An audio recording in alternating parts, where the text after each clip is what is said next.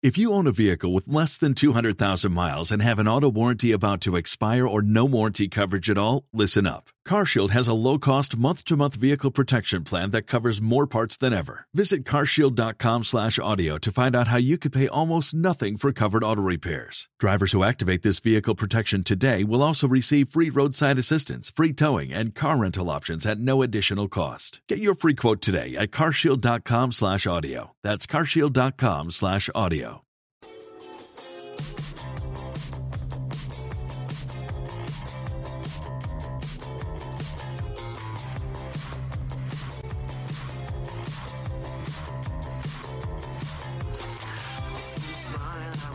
tarda, benvinguts a Addictes en sèrie, el programa més fric de Tarragona Ràdio i ara també de la Sala del Cau, els dijous a dos quarts de vuit.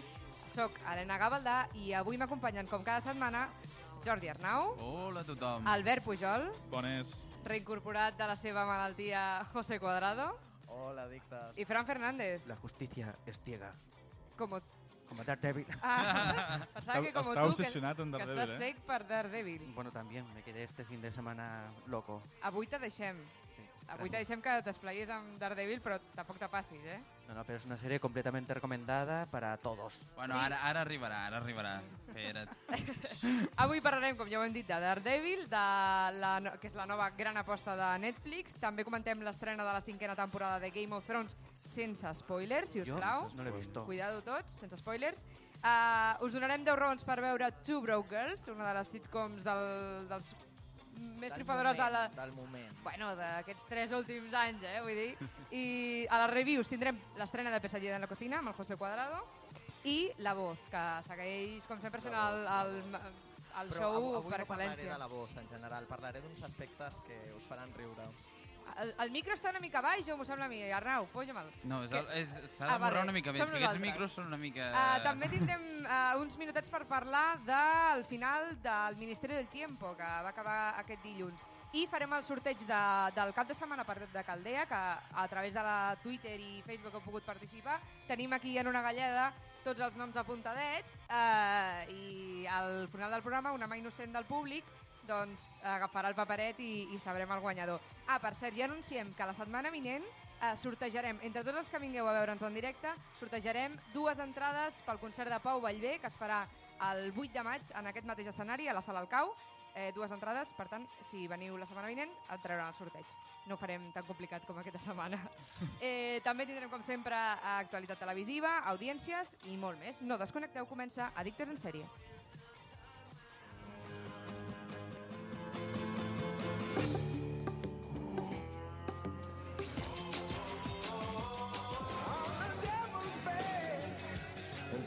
Hola,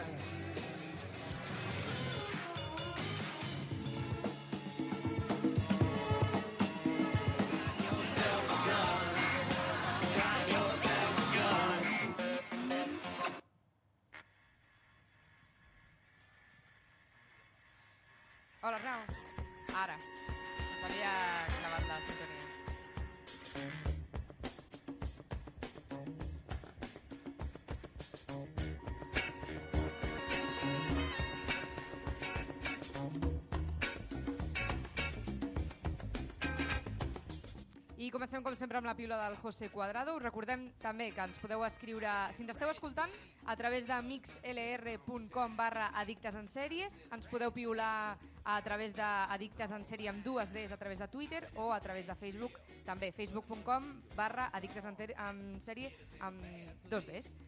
José, què ha passat aquestes dues, dues setmanes o una? Dua- Què dua- contem? Clar, dues setmanes perquè la setmana passada, en teoria, vau fer una bona feina i vau aquí transmetre el que tota la gent que ens escolta i ens veu ens ha estat dient. No sé. Imagino. bueno, només dir... Ens vam directament saltar la, la teva teva secció. secció. És que la teva secció és teva, se la pots fer tu. teva, ja està. Vale, pues bueno, aquí está La Voz del Pueblo.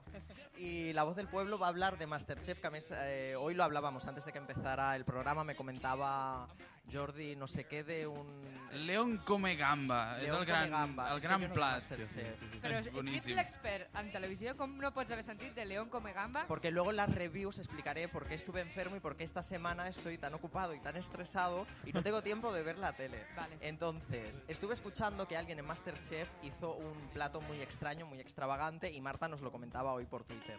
Y el plato era eso, ¿no? Que León come gamba, una patata que li va posar una cara de lleó, eh, no sé si... Una patata cruda. No, no, Crua, imatge. crua, a més a més, i li va posar quatre gambes i quatre pebrots. I jo vaig dir, "Va, és un persona el que ho ha fet i a més a més és el que cuina pitjor de tot el I programa. després uns plors, després. Bueno, a veure... És que la setmana passada tu, José, no estaves, però el Jordi ens va fer una review de, De eh, Masterchef. Masterchef i ens va explicar que aquest paio era un friqui d'aquests que que van agafar presentaven... només com a personatge el que pitjor cuinava. Exacte. Jo ho vaig dir i com Este- s'ha vist és el que primer hem fotut fora. Mm. Este año en Masterchef, por lo que veo, hablaremos de platos extravagantes o de mucha cocina. Sí. Y ya nos lo irán comentando. De momento, una de nuestras máximas Twitch Stars, gente que nos habla por Twitter, eh, Marta nos comentaba eso, el plato extraño.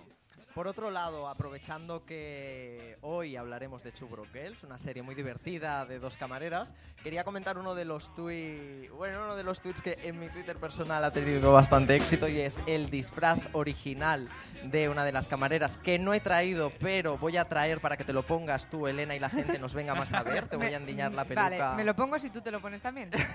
pero Eh. solo tengo uno, una manga cada uno. Venga, va. Póntelo, pónselo. Y eso, ah, para aprovechar que después hablar, daremos 10 motivos para ver esta serie. Y de lo que sí que tenía que hablar hoy aquí, porque todo el mundo ha hablado, es de la vuelta de Juego de Tronos. Claro. Sin no? spoilers, por supuesto, porque no he Sin nada. spoilers. Sí, Però és sense que tampoc hi ha spoilers, molts spoilers a fer. Sí, Sí, no te no preocupes. Bueno, després ho parlarem, No, és que després ho després parlem, en parlem, però... però- Todo el mundo sabía que al final un dragón mataría a Khaleesi. El tanto que ens rajaran per Twitter, eh? El tanto. No, és, No, no. és broma, és un spoiler falso. Doncs aquesta, se- O aquesta no. setmana... Bueno, no ho sé. No sabem. encara. No lo sé, aquesta, eh, esta semana se ha hablado de, de Juego de Tronos porque ha vuelto y por suerte o por desgracia para la cadena se filtraron cuatro o cinco episodios. Cuatro, cuatro. quatre. Cuatro. Joder, qué lástima, hoy me habéis dicho cinco y me he equivocado. Y ahora digo, No, però has "Ah, de en compte otro". que si veus els quatre seguits, debes estar d'esperar quatre setmanes al, al cinquè. Sí, Ja. Perquè la setmana que ve se, eh, El emet segon, el segon. clar. O sigui que Ja, és compte amb algo això que me- i amb... Es algo que me ha pasado. ¿Queréis destacar algo de Juego de Tronos? Bueno, Ah, jo pues ara destacaria que per primera vegada els que veiem la sèrie estem adelantats als que llegeixen els llibres, que fins ara, durant les quatre temporades, era al revés, Sí. que sempre anàvem patint... I ai, que- sempre hi havia el listo del llibre. Exacte. que- que Això ho he vist, això I ara podem ser passarà. nosaltres qui ens diríem els que només llegeixen el llibre doncs que eh, tenim... Pero es oficial que se ha adelantado ya. Sí, sí, sí, sí, ja l'està Eh, amb- el que està passant amb Sansa, amb Sí. Arya, tot això encara no, no, no És llegit els llibres, per tant, Hombre, estem José, bastant... José no se los ha leído, él sabe más. No, me, no, no voy tan adelantado en la lectura. Bueno, nada, eh, quiero terminar la piulada aprovechando para saludar a, Mar- a Marta, que nos saluda desde, desde Madrid, y a Sergio, que también nos saluda desde Tarragona. Muy bien. Muy y ahora ya seguimos. Te lo lo has de inventado siempre. porque es desde Barcelona, pero muy Desde bien. Bar- bueno, me he equivocado. no importa. a animar a todas las personas que nos escuchan, que nos siguen, que nos den su opinión sobre las series, lo que vean en la tele, lo que quieran. Aquí eh, José Cuadrado, porque el resto no lo hace. Bueno, nosaltres comentem després de su tu. opinión. I això, ens escriviu Addictes en sèrie amb dos Ds al Twitter i al Facebook. Vinga, seguim perquè ara anem a repassar les notícies de sèries.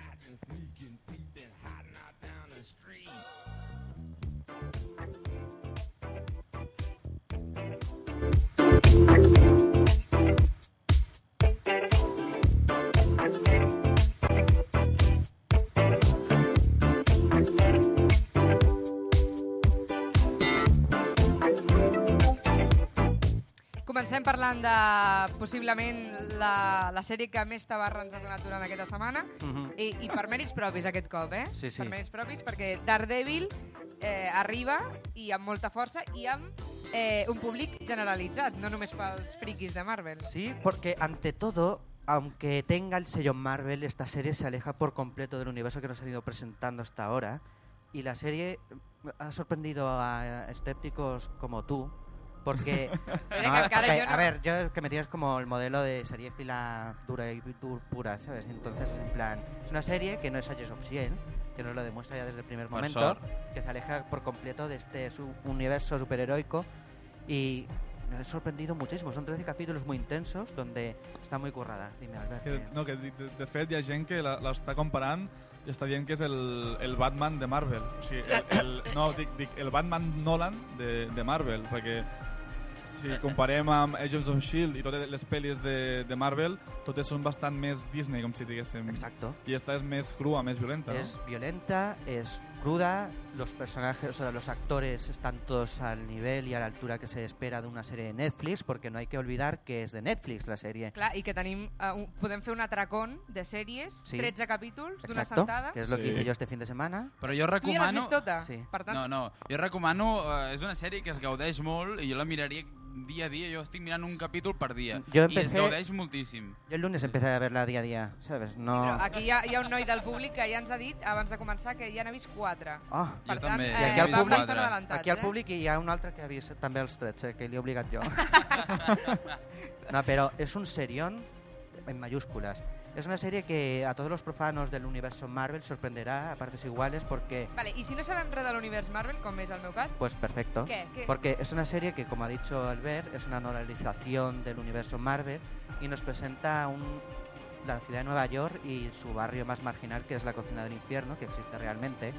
Y es donde se mueve mucha droga, mucha prostitución. Hay una situación de género negro y la serie va construyéndose a partir de las mafias y cómo se van aprovechando del gran desastre que hubo en la película de los Vengadores. Pero, salvo un par de referencias a los Vengadores, no encontraremos ni a Coulson, ni Ah, vale. Shield, ni nada más que referencias de, ah, el Capitán América, ah, no sé qué. Ah, vale, vale. No, sí, fan no. alguna broma, no tens ni un martell, No. no, tens... Lo único que encontraremos referencias al futuro de Netflix, porque ya comentamos en, la- en el programa que se compondrá de cuatro series, aparte de Daredevil, que ya se está rodando la de Jessica Jones para finales de año, el año que viene saldrá Luke Cage. Entonces empezamos a ver ya las primeras referencias a las otras series. És a dir, que, que serà com, com, una, com Un- una sèrie de sèries, no? Sí, Eh, de diferents personatges, Claro, però totes exacte. amb aquesta característica Netflix, amb 13 episodis, tots de cop, i amb aquesta factura una miqueta més cuidada. No? Pero es que es un facturón. Es una de esas Sí. series que sorprende y me ha dejado muy loco porque, en plan, acabo de ver Agent Carter, que es la última propuesta que hizo en televisión Sí. Marvel, que también destacó sobre Agents of S.H.I.E.L.D., que también hay que comentar Home, que que no Agents és of S.H.I.E.L.D. difícil, Fran, ho has de reconèixer que no és difícil destacar per damunt de Destacar per Agents of damunt de S.H.I.E.L.D.. Agents of S.H.I.E.L.D. no era gens difícil. Eh, que últimamente está la cosa que va inmejorable, ¿eh? En Agents Bueno, of no, S.H.I.E.L.D. no, però No, estem no, parlant de entrarem, no Daredevil. entrarem aquí perquè Entonces, ens podem enredar. Tenemos una serie de un corte urbano donde los personajes son personajes reales, de carne y hueso, que sangran, que el tipo Y no se calza un- el traje de Daredevil hasta el último capítulo, que es el spoiler de la temporada, porque las imágenes promocionales... las imágenes- Eh, el, el, el cuidador de los spoilers. No, pero es que yo no considero el traje de Daredevil un spoiler. Yo considero un spoiler, pues según qué cosas que no contaré aquí, porque a mí me sorprendieron muy gratamente. Pero es una serie que recomendaría a la gente como tú y que opinaréis vosotros. Porque, claro, yo vengo muy Molt vengo muy condicionado, sí. O Sí. sea, yo soy Marvel, la gente de Marvel, entonces no puedo hablar de otra cosa que no sean maravillas de esta serie. Mhm. Entonces prefiero que vosotros seáis los que la sí. veáis això. y ya haremos un 10 motivos, porque se lo merece. Sí. Un 10 motivos de Daredevil. Próximamente en Adictes en Serie. Sí, sí, sí. Haz- No, no. Haznos una falca per a la setmana que ve. Contigo. Vale. Jordi, es filtra... Aquesta no és la notícia. Es filtra mitja temporada de, Bueno, de Juego de Tronos, això ho sabem. Eh, la notícia és que no ha despertat massa bones sensacions. Bueno, potser. també in- potser Daredevil eh, ha tapat una mica l'estela de...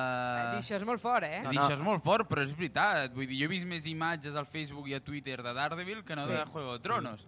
I això que HBO estava preparant una pedazo campanya virtual de Catch Drogon, de trobar a Drogon, que es va també veure uh, una mica ocultada per aquests quatre capítols que s'han filtrat, que s'han filtrat, no se sap qui és, però segurament es parla de que és algú de confiança, algun periodista, que se li havien donat abans els capítols, Però eh, és el que diem l'altre dia. No creus que com que hi ha tanta poca xitxa als capítols, els han soltat els quatre És una perquè opció, així... perquè aquest és un altre. Eh, bueno, hem començat a veure la temporada, hem vist dos capítols, eh, almenys l'Albert, l'Helena i jo.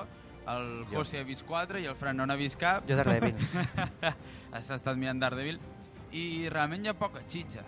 Hi ha, hi ha poqueta xitxa, és una temporada començat fluixa, però clar, també és el que dèiem abans del programa. la- L'anterior temporada, spoiler alert, eh, hi ha un personatge que mor a la bèstia, no, de l'anterior temporada. va, come- va començar massa fort. Va molt començar forta. molt potent i, clar, ens vam mal acostumar. Però jo Sí. crec que realment després, a partir del cinquè capítol, serà una traca. Però fins i tot recordo que a la- han a la dit, que segona serà temporada- no, no, és que els serà que molt llegeixen el llibre diuen que, que, és que ens van vendre... Jo porto un any escoltant que la cinquena temporada havia de ser espectacular per tot el que passava als llibres. I, i no ho No, estem no, veient, no, no, però un potser és que ens queda per veure-ho. Clar, Moment, clar, és aquí que jo voy a crec que hacer és la això. aclaración. Esto de que eh, la serie llega al libro, el libro llega a la serie. En esta temporada están metiendo mucho del cuarto libro, que el cuarto libro está considerado el más aburrido de todos. ¿Por qué? Porque el cuarto y el quinto son eh, pasa sucede a lo mismo, pero distintos personajes. Mm.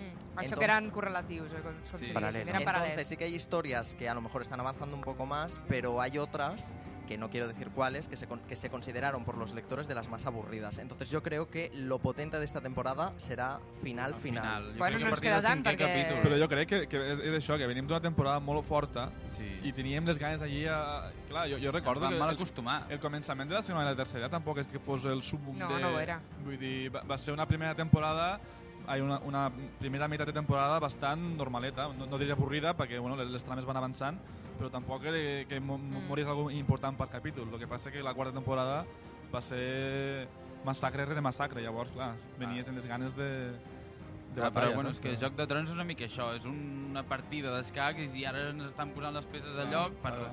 començar a massacrar. Ja han dit que serà una de les més sanguinàries d'aquesta cinquena temporada. Ho han dit alguns dels actors, ho ha dit uh, J.R.R. Martin i, i per tant jo crec que haurà una miqueta de paciència que arribarà. I també no només s'han filtrat quatre capítols, que això és una altra cosa que volia comentar, sinó que a través d'una aplicació de Twitter que es diu Periscope es va retransmetre en directe el primer capítol a través de Twitter. És a dir, que a part dels 8 milions, perquè van veure 7 milions 800.000 espectadors en directe a l'HBO, és a dir, a l'estrena més bèstia que ha tingut mai HBO, a part d'aquests, també un munt de gent ho va veure per Twitter de gratis. Eh, tanquem tema de Joc de Trons, seguirem parlant de, de Game of Thrones i, eh, Albert, Van Helsing canvia de sexe? Eh, Explica'ns això, perquè No. també té un punt fric, eh, això. No sé si coneixeu eh, Van Helsing. Sí, sí. Bueno, Sí, és i tant. un... Hombre, ahora creo que se estrena la segunda temporada de Penny Dreadful y sale Van Helsing, és, ¿no? bueno, un famós caçador de vampirs Bueno, que sortia, està però que, bueno, és igual. bueno, sí, que, que està obsessionat amb, amb matar Dràcula, bueno, és un cazavampirs, com si diguéssim. Doncs ara pues, faran una adaptació televisiva, recordem que hi ha una pel·lícula que, que estava protagonitzada per... No la recuerdes, ¿no? No, no, que és molt dolenta, molt dolenta. Doncs ara hi haurà una adaptació televisiva a càrrec de Dynamic Television, que és la que va portar, la que va fer em, Z Nation, Sí? Sí, però bueno, és una mala referència perquè hi ha productors d'altres sèries Sí, sí, i i els productors en són de Fargo i de Hell of on Wheels. Llavors, Bueno, això Clar, pinta bé. clar, tenim per cara dos creu. cantons pot sortir algo interessant. Sí. Hombre, lo Em, importante es donde se emita, porque Netflix también tiene, o sea, la serie de Daredevil tiene productores de Agents of S.H.I.E.L.D. y No, encara no sabem res, sols sabem l'existència d'un cartell, sabem que Van Helsing serà una noia, quan tota la vida ha sigut un home, un, un d'aquests renaixements, i és curiós perquè el, el, el cartell surt Resurrection is a bitch.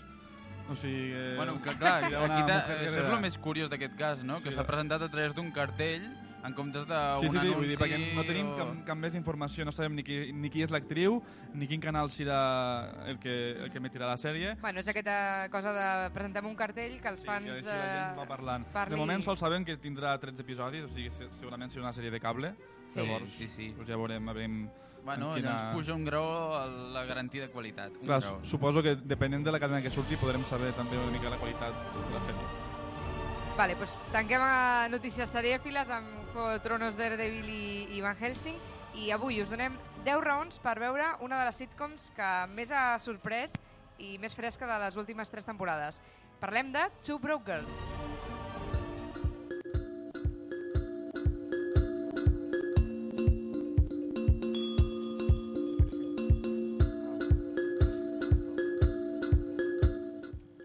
Bé, doncs m'agrada molt presentar aquesta sèrie. I donem 10 raons avui per veure Xuproc Girls. La primera, perquè ens dona estereotips i els capgira, Jordi. A veure, no ho negarem. Quan comencem a mirar Chubrock Girls, el que veiem és un munt d'estereotips amb potes. La pija, la pobra, els hipsters, l'artista...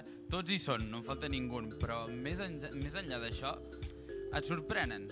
Tenen eh, aquesta cosa que empatitzes amb ells, et fan riure i realment eh, acaben sent part de la teva família. Ens demostren així que els estereotips no són sempre tan dolents. Més motius per veure Chubro Girls, perquè ens demostra que una trama senzilla dona molt de joc, Helena. Eh, la trama ens presenta dues noies totalment diferents, que no tenen ni un duro, realment eh, no és una trama de l'altre món, eh, però la majoria ho hem viscut, per tant no ens hauria de sorprendre. Però el que sí és... Eh, permet un punt excel·lent de partida a una sèrie que ens explicarà les peripècies de dues noies molt particulars per intentar muntar un negoci de cupcakes, eh, molt modern, eh? I però no, no té res d'especial, és que és tot com a molt casolà, però, però eh, és molt divertit. Preciosa, ¿eh?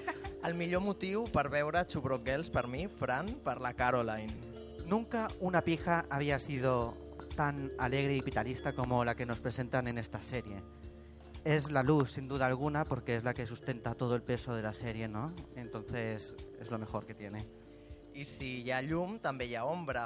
Aquesta sèrie s'ha de veure per la Max, Jordi. Bueno, que és l'altra peça clau de la sèrie, és la noia pobra, la de barri, la dura.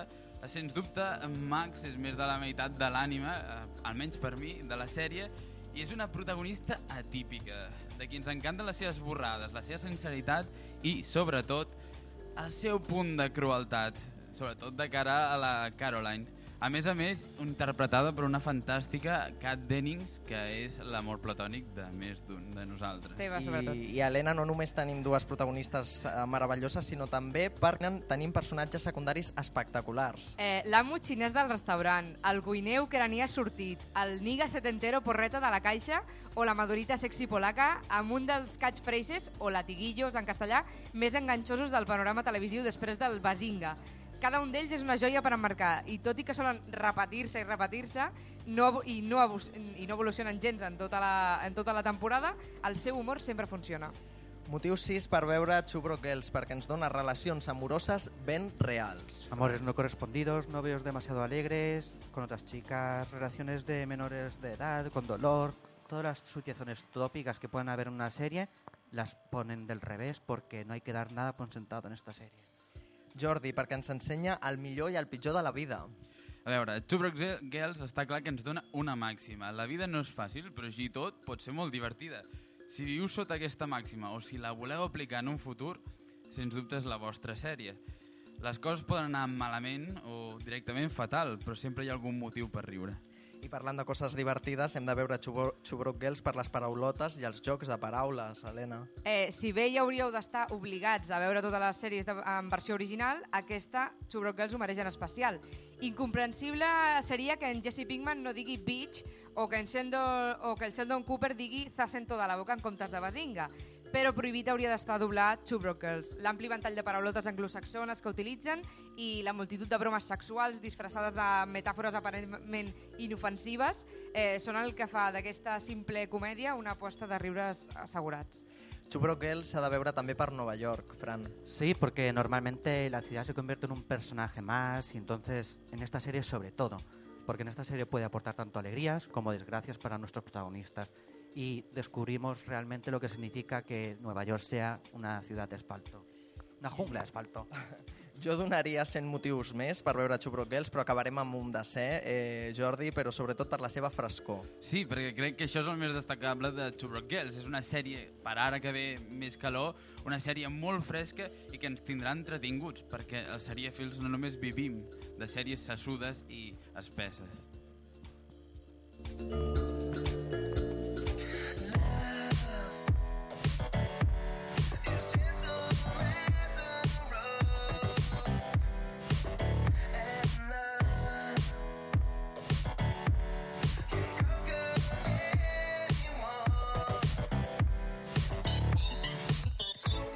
I comencem, com sempre, al bloc de televisió repassant les audiències. Avui miro eh, les audiències des del mòbil, no us estranyeu, perquè és que el Pujol, a l'Albert, no m'ha no m'ha imprès les Són, audiències. són interioritats, A veure si veig, eh, perquè estic molt malament de la vista. Són les noves tecnologies, Helena.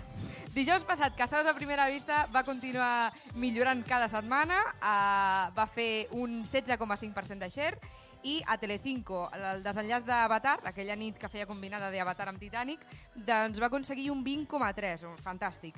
Eh, la primera part havia registrat un 17,3, per tant, una millora substancial. I Cuéntame cómo pasó es va quedar una miqueta enrere amb un 15,6, però va guanyar dos punts respecte a la setmana passada. Divendres passat, eh, les audiències es van normalitzar després de divendres sant. Sálvame Deluxe lidera, com sempre, amb un 19,2. José Mota presenta va baixar fins a un 13 i es va quedar amb, un, amb dos punts menys en el seu setè capítol. Dissabte, un Tiempo Nuevo, un 10%, l'Alfombra Roja Palace, quan, per cert, quan cancel·len ja aquest programa? Bueno, tenien quatre capítols obligatoris, Sí, perquè però ja estan pagats per l'estat espanyol." No, estem renovant i sempre continua sent igual de ranci. ¿Pero cómo puede seguir eso en antena? Perquè està pagat Pero eh, no a no? ¿No capítulos. los ha denunciado a alguien? No, som així, nosaltres. I la Sexta Noche va fer un 9,8. Diumenge, Viajando con Chester va tornar a la graella de 4, però amb Pepa Bueno, Ah, no l'hem vist encara. eh, que La no, setmana que que ja ve no ve de gust veure sembla que no funciona perquè va fer un 7,5.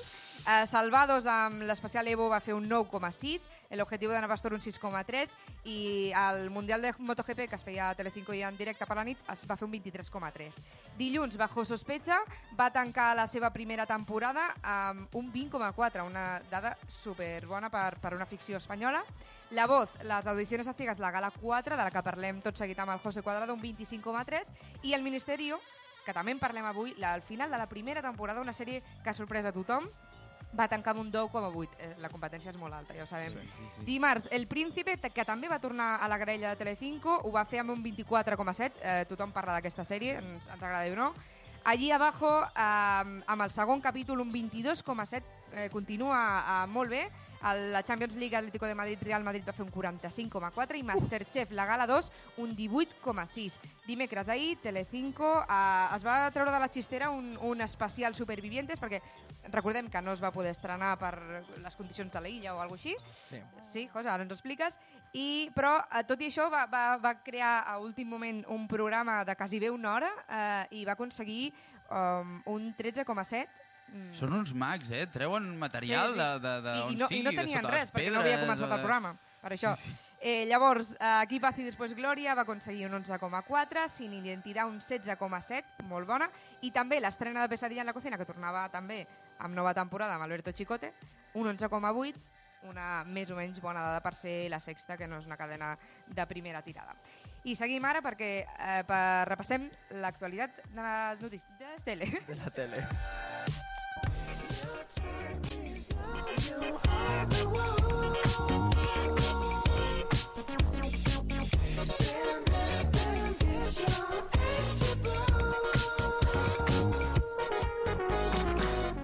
Recordem, si ens esteu escoltant a través de mixlr.com barra dictes en sèrie amb dues Ds, que la setmana vinent podríeu venir a veure'ns en directe perquè sortegem dues entrades pel concert de, de Pau Vallvé que, es durà, que tindrà lloc en aquest mateix escenari a la Sala Alcau el 8 de maig a les 8 del vespre. Ja sabeu, si veniu a veure'ns entrareu en el sorteig de dues entrades. I ara sí, eh, s'estrena, s'estrenarà, ¿cuándo? Se estrenará Supervivientes. Mira, ah, aprovechando que estabas hablando de audiencias, ya os lo digo. Esta noche se estrena Supervivientes y va a ser lo que lo va a petar. Una hablándolo. pregunta. ¿No se les acaba a Telecinco los personajes? No. Ahora, ahora, ahora- ahora te lo cuento.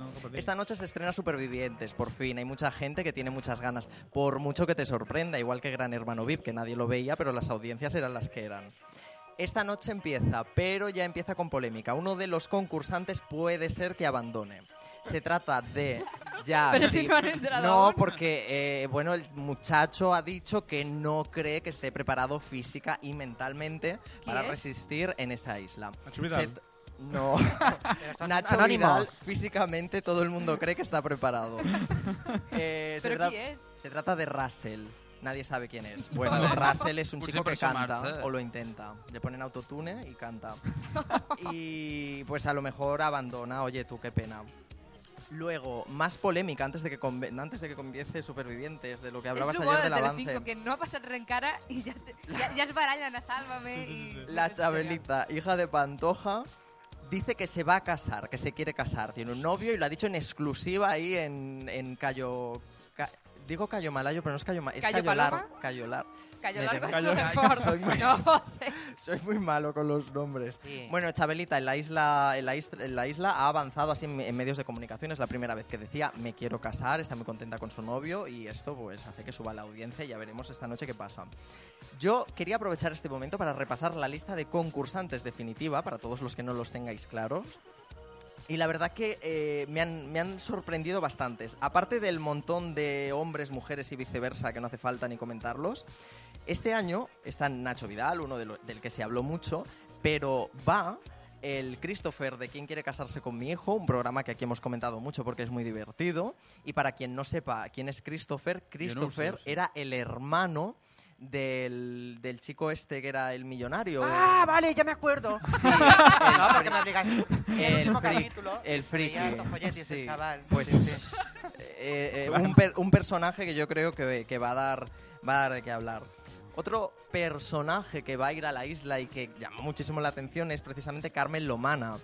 Yo no sé en qué tipo de palmeras la van a poner a dormir, pero a mí me parece dos días. que no. Carmen Lomana es la misma que estamos pensando todos. La del Sí, anuncio sí. de Burger King Sí, en sí. la bañera ¿De de, verdad? plata. ¿Esa? Sí, sí, ¿Esa van a meterla ahí? Será para Esa- ver. Es digno de verlo. Lo voy a ver esta noche. Se entrena, ¿no? Pues va, va a ir esta mujer. Y luego aprovechando el fenómeno Ilenia y Gandía Shore, van a ir dos de Gandía Shore, el ex de Ilenia, Labrador, y Arancha, que no sé quién es, pero que estoy convencido que todos sabremos dentro de poco quién es por el perfil y por todo el espectáculo que va a dar en la isla. Y aparte de esto, otro personaje que a mí personalmente me ha llamado la atención es Furtu, que es un cantante heavy metal, pero es un señor ya así mayor. sí, sí, está- sí. És Yo no el lo de- conocía. El de Bus, és el cantant Bueno, yo escolto altra música, pero bueno, me ha Sí, sí, sí, sorprendido, és un, ¿no? Un, A lo mejor es el ex- de tota la vida, un rockero de... Puede ser el ex de la Pilar Rubio. Puede ser. No, no, No, no, no. no. Y, No, y és bueno, bastant més grandet que la Pilar Rubio, eh? Y hasta aquí tenemos una lista que no veas y seguramente la semana que viene hablaré de lo que ha pasado, lo que no ha pasado, lo que han hecho, quién ha cazado un cangrejo y se lo ha comido y quién no.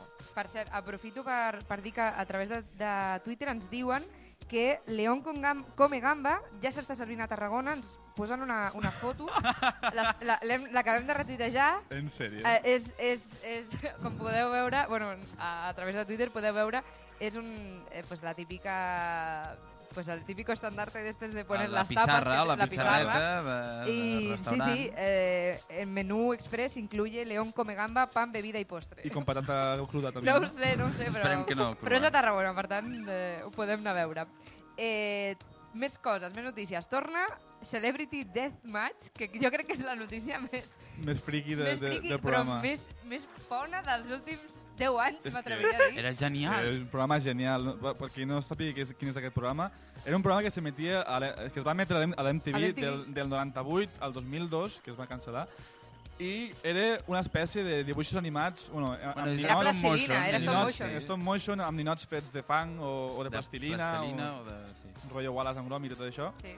I que bueno, era com un ring de lluita on personatges, on celebrities de, de, de, de la faràndula americana pues, lluitaven a mort. Però vull Mhm. dir, era uns, uns, una animació superviolenta, s'arrencaven el cap, sortia sang... Feien vull dir, animalats molt i amb- grosses. Amb molta ironia també, se'n fotien moltíssim de, de, de, de les celebrities. Doncs ara, al canal MTV2, que bueno, suposo que és el, bueno, com, El segon canal. el secundari, com, com el seu nom indica, pues la, la, la tornen a, a estrenar i, I més bèstia i més burra que mai. Clar, i ara, ara diuen que s'aprofitaran eh? també de molt de, de, de les xarxes socials, de Twitter, que això abans no hi era, i, i, i Clar. això ara crearà també molta, molta Clar. xispa.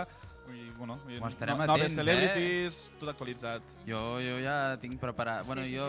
sí. Això s'haurà de veure. Sí, sí, haurem de fer A per mi m'agrada molt, eh, era molt bona. Ja està, no? sí, Fins sí, aquí. no, aquí s'acaba la... Vinga, Arnau, passem perquè és el moment de la review.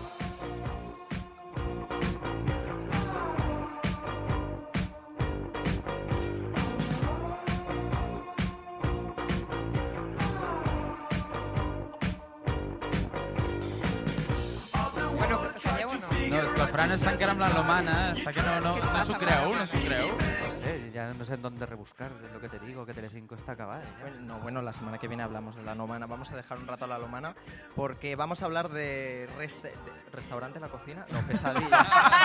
pesadilla, Restaurante en la cocina. pesadilla en la cocina, que por cierto he decidido hablar de pesadilla en la cocina porque esta semana estoy de reformas en mi restaurante, restaurante Monis de Salou, muy mono. Eh, podéis- això, això es paga, eh? Paga. Espai Esto se paga con una cena gratis Y en tu claro, estoy tan restaurante. amargado con la reforma de la cocina que cuando llegué a casa no se me ocurrió otra cosa que poner la, ses- la sexta y ver pesadilla en la cocina, chicote. Debo decir que no había visto nunca un programa entero de este señor, pero me ha parecido que todos son un poco iguales. Sí, I lo- però canvien els insults. No us Aquí- aquí molesta està que la mai gràcia. miri a càmera?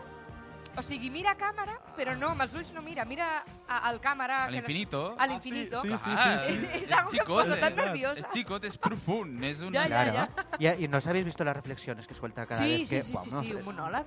Pero es que ni un guionista lo elaboraría tan bien, ¿no? Yo creo que tiene guiones el hombre y está un no, ahí. en plan-? Jo crec que aquí mira és el, paper que li tens que tienes que decir esto. al de la càmera. Es que el José quería Vale, sí, llamarlo te dejo. seguro. Sí, no, no lo han visto, pero ellos hablan, ¿eh? no importa. No, que yo la veo cada temporada. Ah, vale. També, jo soc ayer. seguidor, també. Menos el d'ayer. Ayer vimos el restaurante Karma, que era un restaurante oriental que estaba en Madrid y estaba regentado por Nija, que es bueno, una chica marroquí, y la otra trabajadora eh, importante era Charifa, su hermana, todo un personaje. ¿Qué problema tenía este restaurante? ¿La comida? No. ¿El local que era feo? Tampoco. La relación de las hermanas. Entonces, el, el programa empezó ya directamente con el conflicto. Escuchad.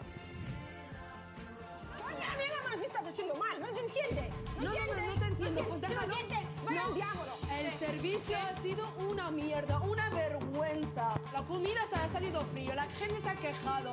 O sea, es que no puede ser, peor no puede ser. O sea, y todo lo que haces Cállate, ya está. No, no me voy a callar. No me voy a callar. No me, no me voy. No, no se Ya ves, ¿tú crees que eso es es un terremoto? Va a ser un terremoto. Ya. Total. Eh, lo más divertido de, lo- de los conflictos de ayer eran que, aunque las dos hermanas son marroquíes, eh, Charifa, que me, encantó esta mujer, la pobre cocinera, es, es marroquí pero había estado toda su vida viviendo en Italia. Y la otra hermana la ponía muy nerviosa porque la pobre muchacha estaba haciendo las ensaladas eh, y toda esta comida árabe y estaba la hermana encima. Venga, corre, corre, corre, hazlo, corre, corre, corre. La pobre muchacha que no, que, que- pero ¿cómo vas a cocinar así? Y entonces se ponía muy nerviosa y le empezaba a gritar mezclando el marroquí con el italiano, con el... y era como muy graciosa, ¿no? Después de unos 30, 40, una hora de, de conflictos, venía la segunda parte del programa, porque todos son iguales. Conflicto, reconciliación, y ahora escuchamos a las dos hermanas diciendo cuánto se quieren después de llevar una hora gritándose.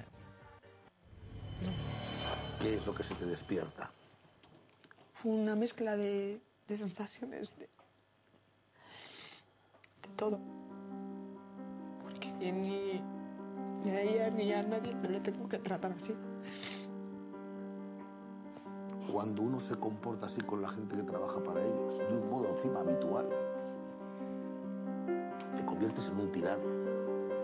También son personas que sienten y, y tienen sus problemas. Yo a lo mejor soy egoísta y he estado pensando en mí misma y no he parado en ningún momento a empezar lo demás. No era mi intención. Bueno, pues sí, lo siento La mucho. musiqueta, Con la música de drama. Eh, le ha dicho de todo a la hermana, pero ahora está súper arrepentida. Estos programas siempre, el programa este sobre todo, es siempre el mismo. Siempre, plan, se- eh, es Ya, la di fórmula. Me di cuenta. Y lo que comentaba antes Elena, de que hizo buena audiencia. Ya para acabar de rematar o darle un, poner una estrellita al programa, pues tuvimos invitado, invitada especial Invitada, en el sí, sí. programa. A ver si sabéis quién es. Jo sí. Hola, buenos días. Hola, ¿qué tal? Un placer tenerte aquí. ¿Me puedes dar dos besos? Tú eres la responsable. La reina mora. Sí, la reina mora eres. ¿Qué tal? Muchas gracias por venir. ¿Qué tal? Que nosotras comemos mucho, ¿eh? Yo no sé si están preparadas, pero comemos mucho. Pero que lo paséis bien nos vemos después, ¿vale? Ahora nos vemos. Gracias. Aquesta noia està rellançant-se, no? Està rellançant la seva Sí, campanya, crec que però està últimament apareix... intentant- Rellançada. Sol surt a, a anuncis Eh, de Wallapop, a coses Bueno, de... té un Sí, espai està- a l'hormiguero, no? està acabada. Sí, sí, un espai a l'hormiguero de- d'esport, Però- de- Fa gym, d'exercici. així, al terra. Sí. La fiquen amb unes malles, el que sap fer. Home, clar, sí. Pero yo digo una cosa, Pilar Rubio es la presentadora que a todo productor le da miedo porque es como el, el amuleto de la mala suerte. Sí, és una mica. És, és la, sí, la presentadora que va, que va aconseguir que Operación cancel- Triunfo es cancelés, eh? Això, Abans d'acabar. A ver, le echaron toda la culpa a ella, pero, pero bueno. En fin, nada, sí, eh, poco más eh, de, de Top Chef. Estu Top Hombre, Chef. esto, Sí. entonces esto que indicaría Cuidado, que que Pesadilla en la estás cocina acaba, ¿no? Pesadilla fent cridar la cocina. Marta, eh? Que la Marta corregint Sí, t'ha me cridat está- al mig de l'autobús. Me están no! echando la bronca por el Twitter porque no doy ni una Sí, con los nombres. Venga, Una va. mica amb el León. Hasta aquí está bien, entretenido, divertido. Todas, todo el que quiera, le guste cocinar y se quiera reír un poco de, de lo que pasa en una cocina, puede ver Pesadilla en la cocina, que yo hago una recomendación a los productores y son más divertidos o más divertidas los clientes y las clientas, eh, digamos, peculiares que van a los establecimientos públicos que no los que están trabajando. Què, què vols dir? ho diu per això? experiència, no? Jo, sí, jo dic per experiència que treballant és més divertit la gent que ve, et Treballant fica on? cares... Treballant on? Treballant al restaurante Múnich de Salou, Ah, cerca de la playa. ¿Abierto? ¿De qué horario? Bueno, No, ya no, está bien. Ja està, fins ya está aquí. bien. Plato combinado, hamburguesa completa. Que los Eh, clientes que tienen muchos puntos y eso es- yo creo que es muy divertido. Eh, I ara, abans de seguir amb les reviews del José Cuadrado, la Laura Cendra, com ja sabeu, per motius de- d'agenda no ens pot acompanyar, però ens fa cada setmana una petita videoreview. Avui ens parla d'una de les sèries que també està triomfant, no tant com eh, s'esperava al principi, però continua, eh, es, es manté, que és eh, Equipat i després Glòria. Escoltem. Hola, addictes! Aquesta setmana parlem d'Equipat i després Glòria, la producció de Mediaset que va arribar a Telecinco fa unes setmanes, que es va estrenar amb molt bona audiència, va superar el 20% de share, però que sembla ser que setmana rere setmana ha entrat en declivi i Telecinco ja l'ha relegat al late night, no sabem si hi haurà o no una renovació, però és que Equipat i després Glòria té molts motius que reforcen el perquè d'aquest declivi. És una sèrie que narra les peripècies d'un estafador que intenta suplantar la identitat del seu germà bessó, que és cura, per fugir de tots aquells als que ha estafat, que ara sembla ser que el persegueixen. Per fer-ho, rebrà l'ajut del seu millor amic, la parella protagonista la conformen Antonio Resines i Antonio Molero, que ja els vam poder veure junts fa uns anys. A Los Serrano, i que jo personalment crec que aquesta sèrie el que ha intentat és ressuscitar aquesta parella um, que fa uns anys va donar molt d'èxit a Telecinco, intenta que aquests dos personatges interactuïn amb personatges del segle XXI, del món actual, que es basen en tòpics i en frases fetes que no fan gràcia i que no tenen cap tipus de fundament. I és que l'humor d'aquesta sèrie és un humor ranci, és un humor passat de moda que fa 10-15 anys potser sí que ens hagués fet una mica més de gràcia, quan encara no, hi havia produccions com The Big Bang Theory o com How I Met Your Mother, però que en el 2015 és impossible que puguis riure amb xistes absurds i que acaben en el riure fàcil. Impossible. Dir que Equipat i després Glòria més no té una trama que t'enganxi o que faci que vulguis continuar veient episodi rere episodi, pot ser entretinguda, per què no? De fet, ja he dit abans que funcionava al principi quan mm, d'altres cadenes com Antena 3 o com 4 no oferien una alternativa més ambiciosa a Equipat i després Glòria, però ara que ja he dit també setmana rere setmana ha entrat en declivi, amb l'arribada de Allí abajo d'Antena 3 que en parlàvem la setmana passada, sí que jo crec que s'ha sentenciat aquesta sèrie, ja he dit que no sé quin serà el seu futur, a veure si vosaltres ho podeu saber, i no us animo a que la veieu. Recomanació, zero. Ens veiem la setmana que ve. Adeu! Bueno, eh, pues no veieu aquesta sèrie perquè ens l'ha pintat molt malament, no eh? ho teníem previst, A tampoc. No, tampoc, cada no. cop la, la posen més tard. Per tant, Sí, és una la van senyal relegant de... ja al Leinat, llavors malament. Molt bé, eh, la Laura Centra, sempre donant-nos el, el punt crític. Pues sí que ves series tu prima hora, ¿no? Però de, Porque- de la tele, ja saps. antes no veía tantas Sí, series sí, nacionales. tant, de la Sí. tele, sí. Això ho dius tu. No. Seguim, eh, perquè ara toca parlar de La Voz. La Voz, La que és Voz. el, el show... Eh, jo La ho Voz. sento, a mi no m'agrada massa veure la televisió, però és que La Voz està tan ben feta, està tan ben produïda, tan ben muntada, Sí. que enganxa. O sea, el dia que la pilles te quedes. Pero, eh, mira, ah, precisamente hoy de esto quería hablar. Yo cuando empezaba La Voz otra vez dije, uff, qué palazo, otra vez La Voz, ahora voy a tener que verla. Pero este año, lo mejor, lo que creo que, que, ti- que tiene ma- más gracia del programa son, lo- son los coaches, porque Eh, ya lo dije el primer día, me ha sorprendido muchísimo Laura Pausini, el buen rollo que tienen ahora, las bromitas, los piques. Si antes estaban, ahora están, pero multiplicados por tres. Y encima nos van desvelando cositas de, de la vida de cada uno que, que nos hacen gracia. Por ejemplo, en, eh, en la prime- en el primer programa ya nos preguntaban que qué era eso que decía Laura Pausini de consuegro a Alejandro Sanz. Pues en, la última, en el último programa se aclaró. Y es Ah, que eh, habían dos chicos cantando y se giraron dos coaches, Laura Pausini y Malú. Y los chicos tenían que decidir. Entonces Alejandro Sanz intercedió y Laura Pausini le dijo a Alejandro Sanz, oye, intercede por mí, no por Malú. Y lo dijo con las siguientes palabras. Alejandro, acuérdate que mi hija ha besado a tu hijo como primer beso.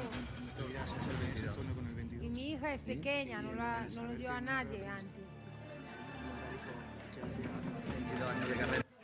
Mi hija es pequeña y no le dio antes. A la- nadie, bueno. sí, de Alejandro, oye, vas a hablar con ellos, pero que con suegro, que mi hija le dio un beso a tu hijo, que se vengan conmigo.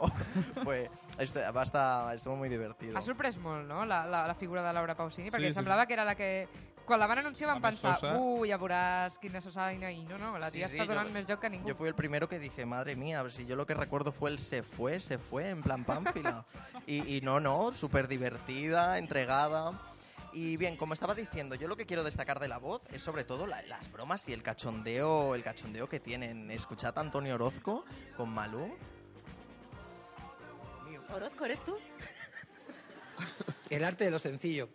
Yo, yo he sido más lento, pero porque yo en general en la vida soy más lento para todo. Oye, oye, en algunos sentidos mejor, ¿eh? Lo sé, lo sé. Ya. Es por eso. Es por eso. Es por eso que en la vida hay que ir más lento en algunas cosas. Y además de esto, también luego tenemos los piques de, lo- de los que os estaba hablando. Escuchad a Alejandro Sanz con, con Antonio Orozco. Cantaba Oye, bien, estás pero- súper ocurrente, Antonio. Es que he estado toda la noche estudiando chistes rápidos. Pues parece que has estado estudiando chistes tontos.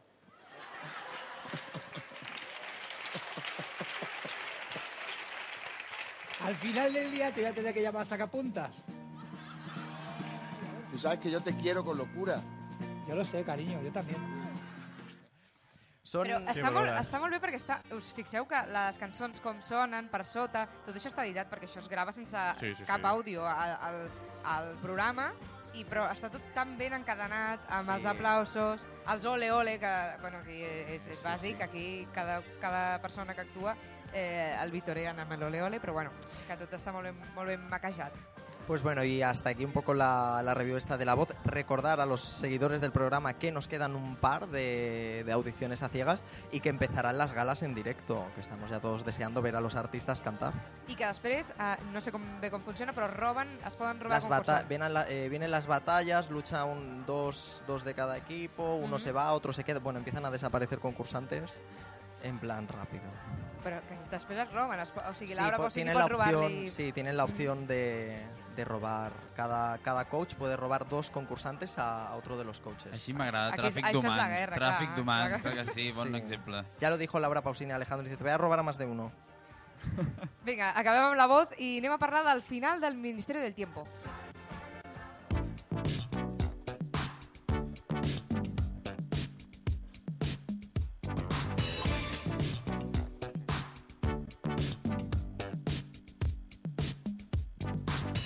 I el Ministeri del Tiempo, eh, que acabava la primera temporada, televisió espanyola, una Amb sèrie... spoilers, això sí, ah, bueno, vindrà amb spoilers, però bueno, perquè se suposa...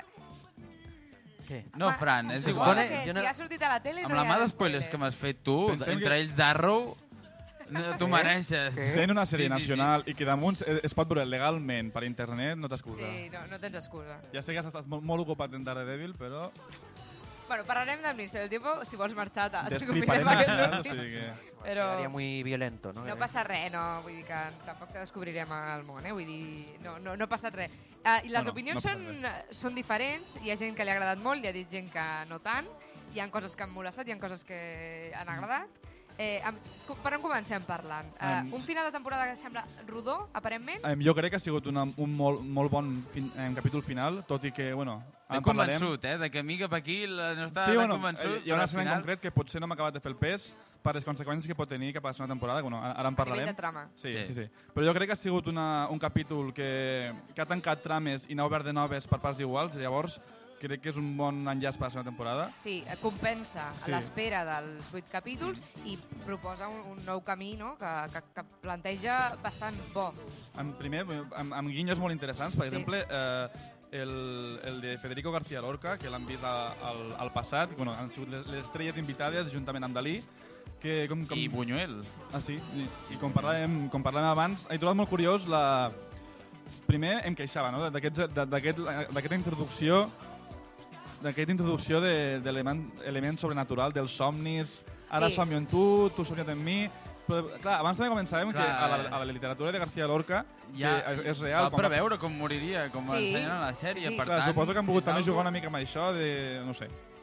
Clar, però ja jugues massa amb ciència ficció, amb lo de les portes Clar. del tiempo, com per a damunt posar que, Jo ho trobo eh, bé. que el nostre protagonista ara també pot somiar amb el Bueno. futur. Bueno, sí, no. No somia en el... Bueno, el protagonista no somia en el futur. Bueno, té aquesta De fet. paranoia i, Clar. i coneix a una persona que encara no ha conegut, no? Ah, i, I continuem amb, amb l'estela de l'ú- de l'últim capítol de que, bueno, que potser el Ministeri del Tiempo no, és tan, no són tan bons com ens pensàvem ni els dolents són tan dolents. I, i ja, ja comencem a veure com els personatges principals comencen a estar farts de tant misteri, de, de, tantes, de tants em, secrets. Per exemple, tenim bueno, el, el, el trio principal, si fem recapitulació, tenim a Amèlia, que, pe- que bueno, com, comença a saber més coses del, seu futur que, que ja tan, tan evita. Um, per exemple, veiem com coneix a la seva neta. Això m'ha molestat molt. No, Per perquè... què? No, a no, mi sí, no. m'ha molestat molt. No, té la seva argumentació i li està dient és per uh, el personatge d'Irene, que és ella qui prepara tot plegat perquè Amèlia es trobi en, el, en la Clar, seva perquè neta. esperen tres mesos no, abans és, de- clar, uh, Irene s'espera perquè la neta entri a l'escola i que es trobin. Per això precisament Clar, s'espera. Irene ho, ho està preparant tot para que els, el trio protagonista es rebel·li Contra el Ministeri. Contra el Ministeri. Clar, eh, jo, una cosa que em, que, em, que em vaig preguntar, per què no preguntes qui és el teu avi? Això sí, això... Clar. Estava parlant amb la seva neta i no saps qui és el teu, el, el, el teu home en, eh, en passat futur, no sé Bueno, què. però en uns minuts ho descobrirà perquè veurà una fotografia, que és la O que no, tanca el capítol. o no. O no. Però clar, jo crec que també li fa una mica de por saber el seu futur, perquè ja, ja hem vist a, a diferents capítols que ella no vol saber el seu futur. Però jo crec que, que el personatge l'enfoquin tant amb la seva preocupació de morir jove, perquè ella veu, eh, recordem que ella viatja al futur i veu la tomba, la seva tomba, i diu que mor als 28 anys, eh, jo crec que aquesta obsessió per és un reflexe que, que després acabarà sent que no, que no mor als 28 anys. Jo crec que és la meva opinió, no sé. Llavors tenim la, la trama d'Alonso, que per mi és un- la que, de les que més m'ha agradat del, del capítol, perquè Sí. crec que l'han Bueno, és portat Alonso molt bé. és molt simpàtic, Perquè ja, a més que, que és un personatge, que cau molt bé i ho fa, i, i, ho- i ho fa molt bé, m'ha agradat molt eh, aquest tema de jugar a ser esperit. Clar, si ens, si ens situem a l'època on, on viatge, que clar, tot era més, tothom creia més en Déu i tot era més, més, Més fas- de- de- més fantasiós d'aquest estil, pues m'ha agradat molt eh, aquest gir que ella s'ha pogut donar de, hosti, sóc el fantasma i cada, cada cop que necessitis estic aquí per tu. Mm. Llavors crec que m'ha agradat molt també eh, com, com m'ha traslladat eh, el personatge de Don, Juan Tenorio i se l'ha fet seu, saps? Ha sigut un, és un, un altre personatge que ha canviat el passat i Sí. no sabem com influirà amb el futur. A- Aquí, aquest és la, la, la Clar, gran qüestió de la aquesta és la sèrie. clau. Uh, perquè ara el, el gran protagonista, o un dels grans protagonistes, que és Julián, Julián. que viatja, o sigui, al passat per salvar la seva dona, I és ell, i és ell qui, qui provoca l'accident. És la- que és genial, és la No, paradoxa. no, és genial. És No, no, genial. sí. Bueno. Veus? Es como El- perdidos, ¿no? Que fueron No. ellos mismos quienes provocaron el accidente que Sí. a la isla. Jo sempre dic, què fue antes, el huevo o la gallina? O sigui. No, no, o sigui no, no, no. Julián està al ministeri perquè la seva dona va morir. I la seva dona va de morir, perquè, perquè ella està al ministeri. Clar, Claro. és que és la típica paradoxa de viatge en el temps. Vale. Què va ser primer? Kun està plegat i moltes Però, sèries de viatge en el temps però estan què plegades. passa? Que Julián pot viatjar quan vulgui a aquesta escena una altra No. vegada. Com que no? No, Perquè el es trobarà ell El mateix. temps va passant també al, Clar, a part a les portes. Les portes va Sí, passar. O bueno. sigui, la porta, per la porta la qual ha entrat Julián per salvar la seva dona ja és, ja és un dia després de que ella, ella morís. Per Bueno, però en algun moment tornarà a començar el 2012, perquè sempre es pot viatjar el 2012. A ver, por No, Twitter pots me viatjar preguntan de a qué un- habláis. eh, Clar, la gent que no pilles el Ministeri Ja, del Tiempo, sí. potser... Home, doncs què feu que no l'heu vist? Luego me echáis a mi bronca tardando, ¿eh? de que hablo de Érase una vez, que Home, hoy me però he és que limitado, Ministerio una del serie Tiempo... que a mí me gusta. A veure, no José, hablo. però Ministerio del Tiempo pa- ho ha patat, no d'audiència, però en Twitter és, la- és la sèrie Sí. més comentada de tota Espanya. Sí.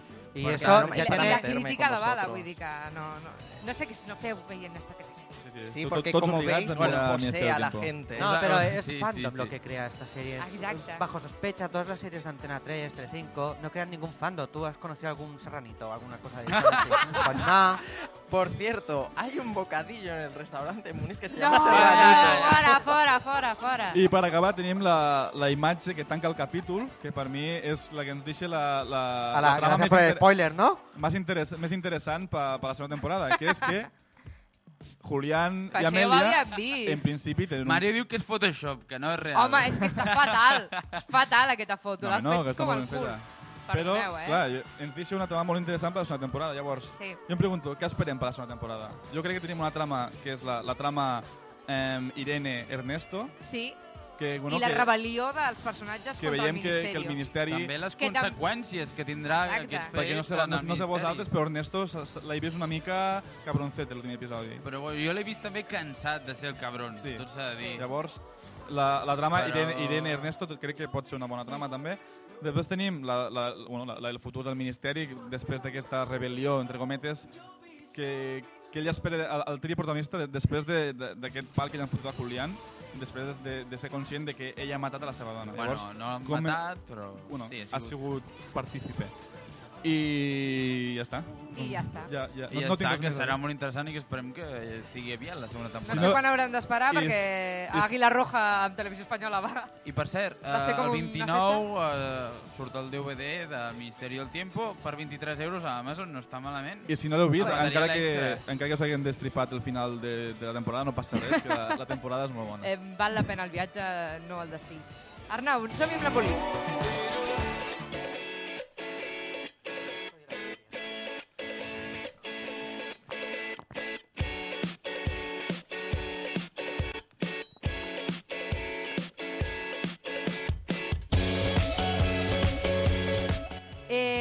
molt ràpid, José, perquè hem de fer el sorteig del cap de Anem a setmana fer- Caldea. Anem, a- anem a fer el sorteig amb temps. Anem a Sí, fer el no, no sorteig. hem de comentar res de l'embolic. De fet, no tenim embolic, i és el, que, el sorteig No, és l'embolic és si. que... La patata que ve- con el león, ¿no? ¿No Pero sí, això? yo lo he ido comentando todo, he comentado el... Ah, ho porque como sé- s'ha Claro. Yo esta sección la he ido infiltrando porque como he visto que habéis colado lo del Ministerio del Tiempo, digo, van a no hablar hem mucho. No, hem colat. No, l'hem substituït colat. per una altra secció. Ho hem Llavors, jo crec que ha arribat aquell moment que tothom mà vol saber. Qui, qui, algun voluntari, si no, l'anirem a buscar. Un voluntari del públic Carlos, per Carlos, que ha vingut avui a veure'ns, si us plau. Molt bé.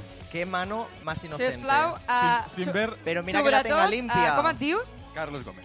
A quina edat? 25.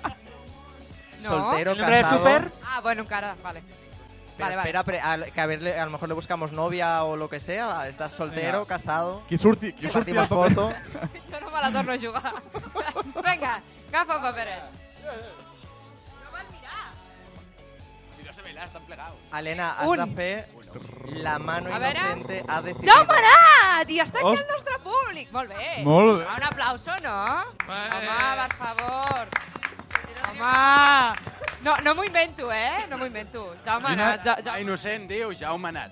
Ah, molt bé, Oh. eh? Bé, bé, bé. Puja, puja, puja, va, puja. Ha, sort... Vinyoles, Tenim el apunta. guanyador en directe. Ha sortit Hem bé, de, dir, eh? hem de dir que el Jaume és Mira, un públic i tot. dels... Mira que ens hem dels nostres- plantejat amanyar-ho, dels eh? nostres addictes, I, I hem dit, addictes. no, va, farem, fem-ho bé. Això, Mira, po doncs al final això portes també. a Caldea i entres, eh? En això Aquí, amb el paperet amb el teu nom ja n'hi ha prou, eh? Moltes gràcies a tu, Jaume. Estem molt contents perquè el Jaume és un dels nostres addictes de sempre. Sí, que venen cada setmana Ens i... escolta, Veus, és el Al karma. final, el- Com el vens destí- del programa en directe, guanyes el sorteig. El destí ha recompensat al Jaume.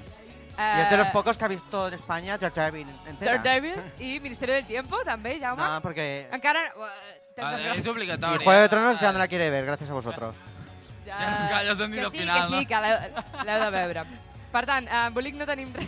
No, per tant... No, però el és que- concurs de la setmana que ve, si venen... Ah, sí? Vale, sí, un la setmana concurs. vinent, recordem, si veniu a la sala del Cau a dos quarts de vuit de dijous, sortejarem dues entrades A part de poder-nos veure que ja és un que ja és un, què, premi, però bueno, és a un part, premi. doncs un, un, una, un al·licient més, dues entrades pel concert de Pau Vallvé, que és un tio que canta así como que se va a cortar las venas, però que mola, o que Molt és muy profundo. recomanable, eh? Molt recomanable, Molt però te recomanable. vas a cortar las venas també. No, no, no, realment no tant, eh?